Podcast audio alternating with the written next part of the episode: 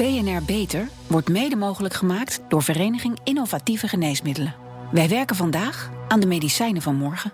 BNR Nieuwsradio. BNR Beter. Harmke Pijpers. In Nederland worden zo'n 750 verschillende medicijnen aan kinderen voorgeschreven. Maar voor de helft geldt dat er niet genoeg onderzoek is gedaan naar de effecten van die medicijnen op kinderen. Er is nu een website die kinderen en hun ouders helpt met de keus om wel of niet mee te doen aan wetenschappelijk onderzoek. Welkom bij BNR Beter, het programma voor mensen die werken aan gezondheid. Met mijn gasten Mira Staphorst, onderzoeker in het Emma Kinderziekenhuis van het Amsterdam UMC, locatie AMC. En Saskia de Wild, hoogleraar klinische farmacologie en kinderintensivist bij het Radboud Ja, mevrouw Staphorst, u bent een van de initiatiefnemers van de website kindenonderzoek.nl. Wat is precies het doel van die website? Nou, met die website willen we eigenlijk de deelname eh, van kinderen aan onderzoek verbeteren door goede informatievoorziening te geven. En uh, dat is informatie uh, voor kinderen en hun ouders. En dan uh, moet je bijvoorbeeld denken aan dat ze daar informatie over kunnen vinden over wat wetenschappelijk onderzoek precies is, maar ook wat hun rechten zijn en wat kinderen, wat de ervaringen van kinderen zijn in wetenschappelijk onderzoek mm -hmm. die eerder mee hebben gedaan. Want tot nu toe was er te weinig informatie beschikbaar voor kinderen? Nou, misschien niet te weinig, maar mhm. wel uh, informatie die best wel moeilijk was. En niet, niet goed afgestemd op wat kinderen en ouders nou precies willen weten. En we hebben geprobeerd met die, deze website om uh, nou ja, die informatievoorziening echt aan te passen op het uh, niveau van, van kinderen en ouders. Ja, en vertel, ja. hoe bent u bij die website betrokken geraakt? Nou, ik heb samen, of ik heb uh, onderzoek gedaan, promotieonderzoek uh, bij uh, Zonnewee, of door Zonnewee gefinancierd. En dat is, die hadden een onderzoeksprogramma over ethische en juridische aspecten van geneesmiddelenonderzoek bij kinderen. En samen met twee andere onderzoekers die ook in dat programma onderzoek hebben gedaan, dat waren Ronella Grotens en Irma Heijn, hebben we um, subsidie aangevraagd voor vervolg van onze onderzoeken. En we wilden eigenlijk alle drie iets doen met online informatievoorziening voor kinderen en ouders. En um, nou ja, daar hebben we eigenlijk uh, de Vereniging van Samenwerkende Ouder- en Patiëntvereniging en de Stichting Kind en Ziekenhuis. Die wilden, wilden, hebben, hadden dat ook als doel. En uh, we hebben eigenlijk de handen in één geslagen en deze website uh, opgericht. Ja, mevrouw De Wild, mei vorig jaar stelde een Europees samenwerkingsverband van universiteiten en farmaceutische bedrijven een budget van 140 miljoen beschikbaar voor het opzetten van een netwerk voor medicijnonderzoek bij kinderen. u coördineert de Nederlandse bijdrage. Wat houdt dat netwerk precies in? Uh, met dat netwerk proberen we te stimuleren dat um, onderzoek bij geneesmiddelen um, beter uitgevoerd wordt en makkelijker uitgevoerd wordt. En voor Nederland betekent dat dat we uh, de ziekenhuizen in Nederland uh, gaan helpen om beter voorbereid te zijn om onderzoek te doen. Ja, want ziekenhuizen zijn op dit moment daar niet goed op ingericht? Um, nou, van oudsher werd onderzoek bij kinderen um, eigenlijk niet gedaan. Geneesmiddelonderzoek nee. bij kinderen niet gedaan. En dat betekent dat de logistiek die nodig is voor dit soort onderzoek, mm -hmm. toegespitst op kinderen, eigenlijk nog um, relatief onvoldoende is ontwikkeld. Ja, want, want nieuwe geneesmiddelen, dat moet sinds 2007, hè, volgens Europese wetgeving, moeten die, de effecten daarvan onderzocht worden bij kinderen. Maar in de praktijk is dat, is dat dus nog heel lastig. Ja, dus in 2007 is die wet ingegaan. Toen is er ook uh, geld beschikbaar gesteld, zowel door Zonnewee, maar ook door de Europese Unie, om dat soort onderzoek te doen. Uh, maar ook uh, de farmaceutische bedrijven zijn dat onderzoek gaan doen. En toen kwamen we er eigenlijk achter dat kinderen toch echt geen kleine volwassenen zijn. Ja. En dat, dat je organisatie uh, daar ook op toegespitst moet worden. En dat ook uh, het, de onderzoeken zelf ook aangepast moeten worden aan kinderen. Ja. Nou begrijp ik dat het niet de bedoeling is dat het alleen bij praten blijft. Hè, over wat ziekenhuizen kunnen verbeteren. Maar dat er een deel van die 140 miljoen uh, mei vorig jaar dus ter beschikking gekomen. Dat die naar een aantal specifieke onderzoeken gaat? Ja, die gaat uh, naar zes uh, verschillende onderzoeken met zes verschillende geneesmiddelen. Ja. Uh, zodat we uh, nou, inderdaad het niet bij praten blijft. En zodat we ook werkelijk kunnen testen dat wat we op gaan zetten ook, uh, ook werkt. En dat we daarvan kunnen leren en het nog verder kunnen verbeteren. Ja. Is er inmiddels al bekend hoe die zes onderzoeken eruit gaan zien? Nee, dat is nog niet bekend. Er, zijn, hm. er worden drie onderzoeken gekozen van onderzoekers uit, uit de ziekenhuizen. Ehm, en um, er hebben 27, ongeveer 27 mensen, onderzoekers hebben nu een voorstel ingediend. Daar worden er, er drie van gekozen. Ja. Er worden drie door farmaceutische bedrijven uitgevoerd. En die zijn uh, nu in hun bedrijf aan het kijken voor welke onderzoeken daarvoor gekozen ja. worden. U gaf in een eerder interview aan dat dit uh, Europese samenwerkingsverband de laatste kans is op het gebied van wetenschappelijk onderzoek bij kinderen. Dat is intrigerend. Hoezo laatste kans? Nou, de laatste kans is misschien wat, uh, wat, stellig, uh, wat stellig. Nou, maar deed je uh, vast niet voor niks. Nee, ik heb dat niet voor niks gezegd. Um, dit, is een, dit is een groot bedrag wat wij -hmm. van de Europese Unie krijgen. En um, wij hebben tien jaar eerder al geld gekregen van de Europese Unie. Ook de bedrijven um, hebben onderzoek gedaan bij kinderen. maar dit, is, um, dit bedrag is om, om er als uh, ziekenhuizen voor te zorgen dat wij klaar zijn om dit soort onderzoeken te doen. En dat wij ook uh, als experts, he, de dokters, maar ook onderzoekers, de ja. bedrijven goed genoeg kunnen helpen om die onderzoeken goed op te zetten. Um, en ik verwacht niet dat als wij dit niet goed doen, als um, ziekenhuizen, maar ook als uh, andere experts en als bedrijven, dat, dat, dat de Europese Unie nog een keer zoveel geld gaat geven. Ja. Uh, medisch wetenschappelijk onderzoek is nodig hè, om in de praktijk behandelmethoden en medicijnen te testen bij mensen. Dat gebeurt nu al, maar wel voornamelijk met volwassenen. Waarom is het zo belangrijk dat dit ook bij kinderen gebeurt, mevrouw Staphorst? Nou, veel van de medicijnen en behandelingen die, we, die voor kinderen zijn, die zijn eigenlijk niet of niet goed getest voor hen. Ja. Um, daardoor weten we eigenlijk niet zo goed wat, uh, hoe bijvoorbeeld een medicijn zich in het lichaam van een kind uh, manifesteert. Of wat de juiste dosis is van een medicijn. En we hebben wetenschappelijk onderzoek nodig om dat soort dingen uit te zoeken. Maar nou, dat gaat niet zomaar. Ja. Het is heel belangrijk dat kinderen goed beschermd worden tegen de risico's en de belasting die onderzoek met zich mee kan brengen. Daarom is onderzoek alleen mogelijk onder strikte voorwaarden. Nou, een beetje kort door de bocht gezegd komen we daardoor eigenlijk ook wel voor een dilemma te staan. Ja. Stellen we kinderen bloot aan uh, geneesmiddelen en uh, behandelingen die, nou ja, waarvan we eigenlijk niet zo goed weten hoe, hoe het nou werkt bij kinderen. Ja. Of laten we kinderen meedoen aan wetenschappelijk onderzoek waar risico's en belasting aan vastzitten. Ja. Dat is wel steeds meer de opvatting. En vooral bij hele jonge kinderen is dat natuurlijk moeilijk. Maar hoe Ja. gaat het in de praktijk? Hoe worden kinderen, en natuurlijk vooral ook de ouders, hoe, hoe worden die benaderd om deel te nemen aan een onderzoek? Nou, dat gaat meestal via de behandelend arts van het Ja. kind. Als het gaat om uh, um, ja, kinderen met een, met, een, met een ziekte of met een aandoening. Ja. En uh, gezonde kinderen, dat kan ook bijvoorbeeld via de gemeente lopen of via scholen. Uh, de Ja. werving daarvan. Zeg, en, Ja. en, en aan wat voor testen moet ik dan denken? Gaat het dan voornamelijk over nieuwe medicijnen of ook over andere onderzoeken? Ja, eigenlijk over van alles. Het kan inderdaad over nieuwe geneesmiddelen gaan. Eigenlijk, ehm, als, je, als je denkt in de medische procedures die kinderen ondergaan, zijn dat dezelfde dingen die eh, kinderen ook ondergaan in het kader van, van behandeling of zorg. Eh, Ja. het kunnen bloedprikken zijn, MRI-scans, allergietesten. Eh longfunctietesten van alles. Vragenlijsten. Ja, vragenlijsten, inderdaad. Ja. Eh, ook veel. Ja. Ja. Testjes. Zeg, en, en wat zei u? Ja, psychologische testjes. Ja, ja. Ja. ja. ik stond hashjes, dat begreep ik even Nee, niet. nee, testjes. Ja. Zeg, naast die zes onderzoeken, hè, die worden uitgekozen... en het opzetten van een onderzoeksnetwerk in Nederland... eh, bent u, mevrouw de Wild, ook bezig met het opzetten van een Europees adviesbureau... op het gebied van geneesmiddelenonderzoek. Wat mag ik me bij zo'n adviesbureau voorstellen? Nou, wat bij, bij zo'n dat adviesbureau willen we opzetten, omdat gebleken is dat uh, het opzetten van een geneesmiddelonderzoek bij kinderen toch ingewikkeld is. En daar heb je dokters van nodig die verstand hebben van die ziekte. Maar je hebt ook experts nodig die uh, verstand hebben van uh, nieuwe methoden om dat onderzoek zo effectief, maar ook zo kindvriendelijk mogelijk op te zetten. En je hebt het advies van ouders en kinderen nodig. Ja. En, en dat adviesbureau proberen we al die experts bij elkaar te verzamelen. En op het moment dat er een vraag komt vanuit een bedrijf, maar ook uh, vanuit een, een, onderzoeker uit een universiteit, kunnen wij vanuit dat adviesbureau de goede experts bij elkaar uh, vinden, zodat het onderzoek ja, zo goed mogelijk, maar ook zo kindvriendelijk mogelijk opgezet kan worden. Zodat Ja. de kans dat het uiteindelijk goed uitgevoerd wordt ook groter wordt. Ja, en, en zo kindvriendelijk mogelijk opzetten. Kunt u daar concrete voorbeelden van geven?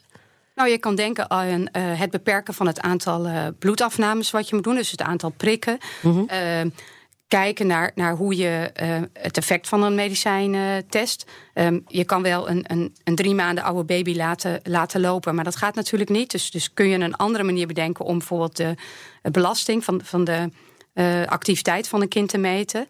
En um, dat zijn denk ik de belangrijkste, de belangrijkste dingen. Ja. Mevrouw Staphorst, op uw website kindenonderzoek.nl kunnen niet alleen kinderen en ouders terecht, maar ook onderzoekers. Op wat voor manier probeert uw website onderzoekers te helpen? Uh, nou, dat is eigenlijk wel leuk. Dat haakt ook aan wat uh, Saskia zegt. We hebben bijvoorbeeld een database met ervaringen van kinderen in wetenschappelijk onderzoek. En daar staat ook in, staan ook suggesties uh, in om het onderzoek minder belastend te maken. Dus als je het hebt over kindvriendelijk onderzoek doen, dan zouden dat ook bijvoorbeeld suggesties zijn die onderzoekers kunnen meenemen. Ja. Om hun onderzoek nou ja, goed te laten aansluiten op op, op wat het kind prettig vindt. Ja, want, want zou die website, uh, wat u betreft, mevrouw Staphorst, ook nog een rol kunnen spelen in het netwerk waar mevrouw De Wild mee bezig is? Ja, ja, ja daar zie ik zeker, uh, zeker mogelijkheden. Want we hebben veel informatievoorziening die goed uh, misschien in de, in de onderzoeken toegepast kan worden. En ik heb zelf een vragenlijst over de ervaringen van kinderen. Nou, het zou heel mooi zijn als dat bij die zes onderzoeken meegenomen kan worden. Dus ik, ik zie er ook mogelijkheden. Ja, zie ik ook mogelijkheden, absoluut. Ja. ja, in 2016 stemde de Eerste Kamer in met een voorstel van minister Schippers uit 2013. Waarin stond dat onderzoekers voortaan meer medisch-wetenschappelijk onderzoek mogen doen bij kinderen. Is er sindsdien inderdaad veel meer mogelijk, mevrouw De Wild? Um, de wet is inderdaad wel iets uh, verruimd. Dat kwam doordat uh, Nederland de Europese wetgeving uh, is gaan volgen. Um, maar voor die tijd was ook al veel mogelijk. En dit gaat om een heel klein percentage onderzoek, met name bij, bij heel zieke kinderen. Mm -hmm waarbij geneesmiddelen werden gegeven waar het kind zelf in principe geen profijt van had. En waarbij nu iets meer belasting en iets meer risico's geaccepteerd wordt. Maar onderzoek wat wel nodig is om vervolgens het onderzoek waar kinderen wel profijt van hebben te kunnen doen. Het is een beetje een ingewikkeld verhaal. Uh, dus er is wel iets meer nee, mogelijk. Het. het is heel ingewikkeld, inderdaad. ja. Maar het, het, ik snap het, want die afweging is zo lastig die je moet maken. Ja. ja. D66-Kamerlid Pia Dijkstra was uh, blij destijds met de aanpassing. Ze zei toen uh, dat we bij veel zaken voorop lopen in Europa, maar hierin liepen we achter. Ja, ziet u nog veel verschillen in wetgeving in Europese landen, mevrouw De Wild?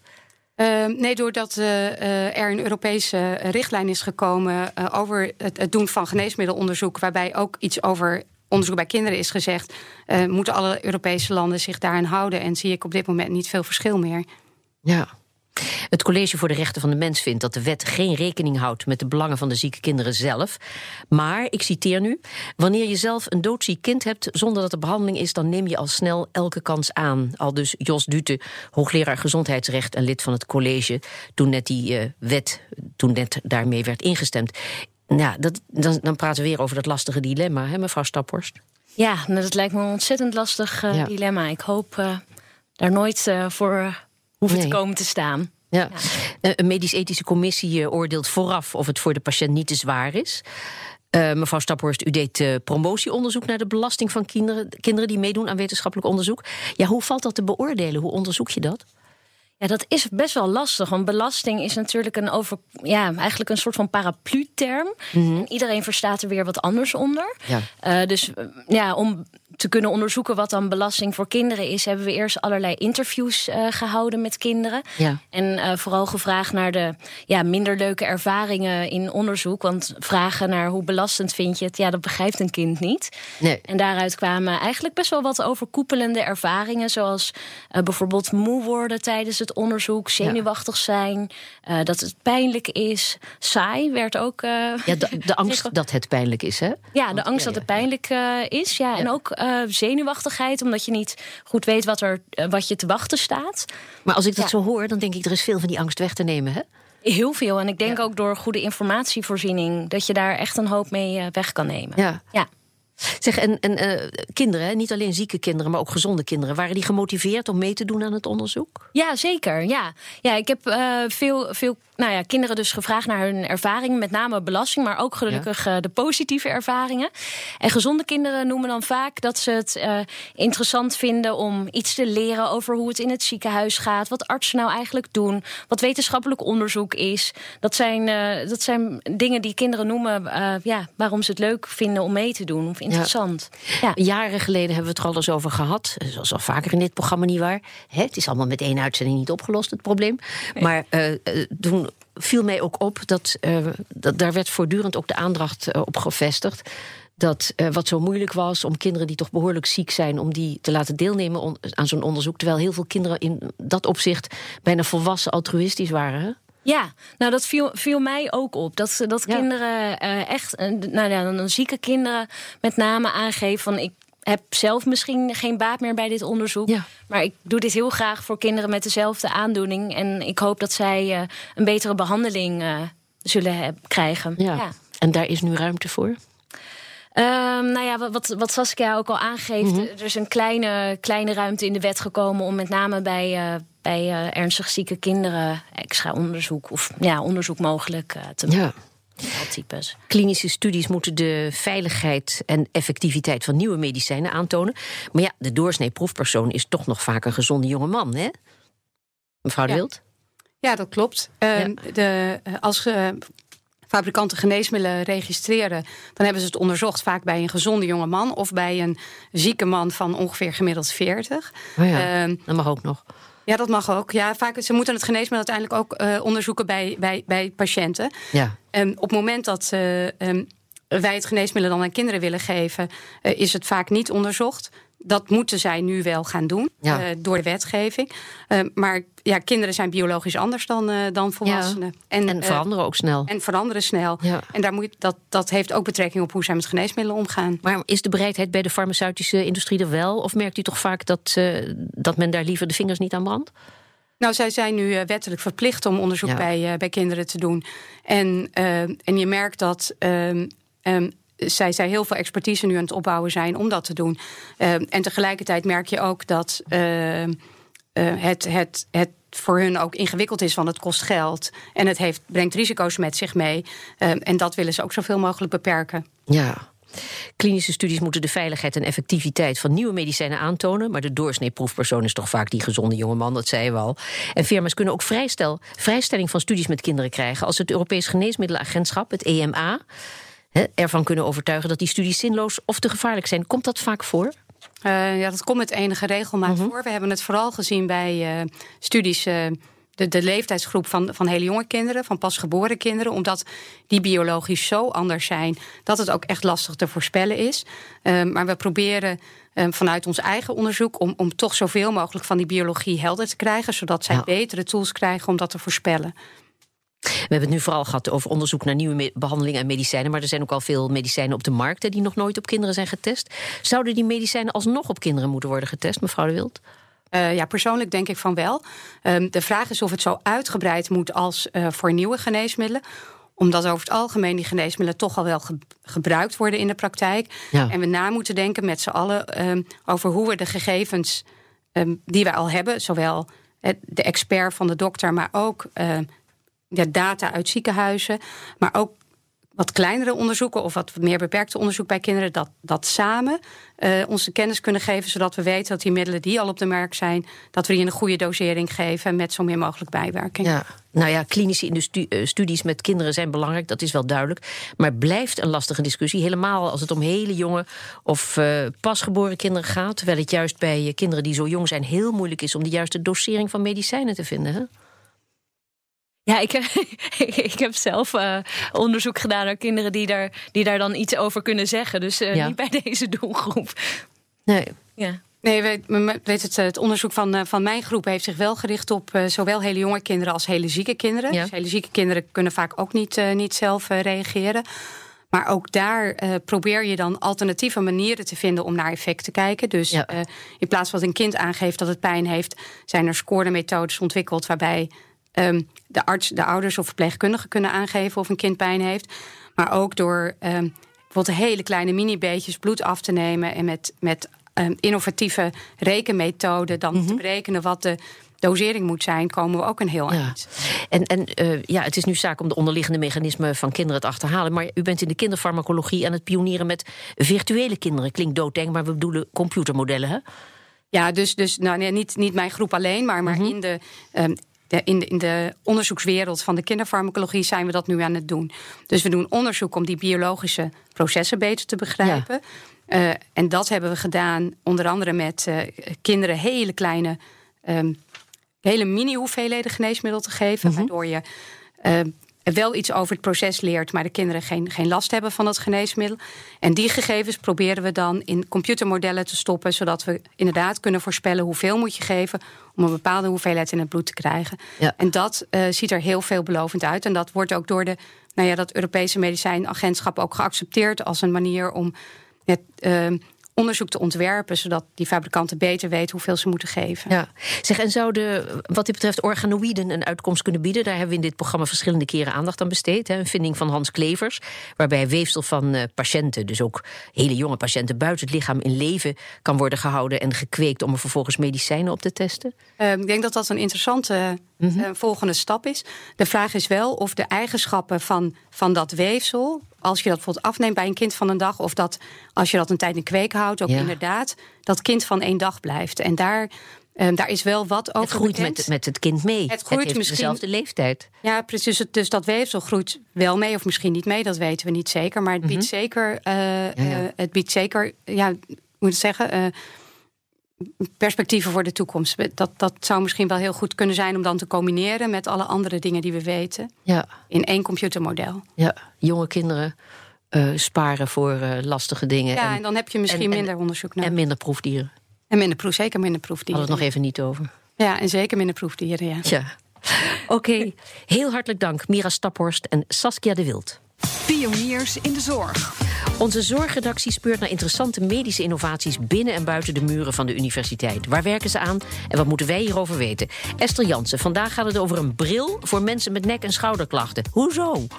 Ja, het gaat niet om een bril uh, op sterkte die je bij een opticien kunt krijgen, maar om een virtual reality bril. Het revalidatiecentrum Tolbrug van het Jeroen Bos ziekenhuis start met een pilot om mensen met chronische nek- en schouderklachten te helpen. Ja, en waar hebben die mensen dan precies hulp bij nodig? Nou ja, mensen met dit soort klachten zijn vanwege de pijn vaak bang om hun nek en schouders te bewegen. Maar bewegen moet juist. Je moet juist meer bewegen om beter te worden. Uh, en de angst staat dus hun herstel in de weg. Ja. En hoe zorgt dan die virtual reality bril ervoor dat mensen minder angstig zijn? Nou ja, met de bril op worden patiënten in een virtuele wereld uitgedaagd een oefening te doen. En de bril moet ze als het ware een beetje afleiden, waardoor ze verder met hun nek draaien of met hun schouders bewegen dan wanneer ze de bril niet op hebben. En door de afleiding voelen ze hopelijk de pijn ook wat minder. En als ze hebben ervaren dat ze die beweging dus juist wel kunnen maken, dan zijn ze hopelijk in de toekomst minder bang om dat te doen. Ja, en, wat zullen de mensen met chronische klachten te zien krijgen als ze die uh, virtual reality bril opzetten? Ja, daar was ik ook heel erg nieuwsgierig naar. Dus ik belde even met revalidatiearts Christophe Smit. Hij vertelde mij dat er meerdere virtuele werelden kunnen worden aangeboden. Bijvoorbeeld een sterrenhemel. En het leuke is dat je door die bril te dragen, die heb ik zelf natuurlijk ook meerdere keren opgehad om te proberen, je echt het gevoel hebt dat je daar middenin zit. Het is hartstikke echt. Uh, en je ziet dan een, sterrenhemel en dan moet je bepaalde punten met elkaar gaan verbinden. Daar word je toe uitgenodigd. Uh, en dat is heel spelenderwijs dat je dan dus met je nek gaat bewegen. En dat leidt, het spel leidt je zo af dat je ja, eigenlijk vergeet dat je pijn hebt of dat je er bang voor bent. Dus uh, op die manier uh, werkt dat hartstikke goed. Ja, en behalve dat het mensen helpt die bang zijn om de oefeningen te doen, zijn er nog meer voordelen. De bril meet namelijk ook nog precies de beweging, waardoor je goed kunt zien of mensen hun nek en schouders ook steeds meer kunnen bewegen. En? Ja, het is gewoon veel beter vol te houden. Het is vaak een traject van wel een aantal weken. Ja, en als je dat wat spannender kan maken, is dat mooi. Ja, het gaat dus in eerste instantie om een pilot. Ja, virtual reality wordt de afgelopen jaren natuurlijk steeds meer uh, gebruikt. Bijvoorbeeld ook bij vliegangst of voor mensen met PTSS en ouderen met dementie. Maar naar de werking hiervan moet nog wel veel onderzoek gebeuren. Dus dat doen ze nu ook uh, bij het revalidatiecentrum van het Jeroen Bos ziekenhuis. Ze werken samen met het bedrijf InMotion VR. En de pilot gaat nu drie maanden duren. En waarschijnlijk doen er zo'n tien mensen aan mee. En als het werkt, willen ze het dan nog op meer plekken gaan gebruiken? Ja, als de pilot een succes is, dan wil het ziekenhuis de bril gaan inzetten voor meer groepen patiënten. Uh, bijvoorbeeld bij mensen met hersenletsel of uh, fantoompijn. En ook hoopt uh, Christophe Smit dat mensen in de toekomst de VR-bril dan ook thuis kunnen gebruiken. Esther Jansen, dankjewel. En tot zover deze uitzending van BNR Beter. Op bnr.nl slash beter is deze uitzending terug te luisteren... of on demand via de BNR-app Spotify of iTunes. We zijn ook op Twitter te vinden onder BNR Beter... dus heeft u tips voor ons, laat het ons vooral weten. Ik ben Harmke Pijpers. Graag tot een volgend spreekuur. BNR Beter wordt mede mogelijk gemaakt... door Vereniging Innovatieve Geneesmiddelen. Wij werken vandaag aan de medicijnen van morgen.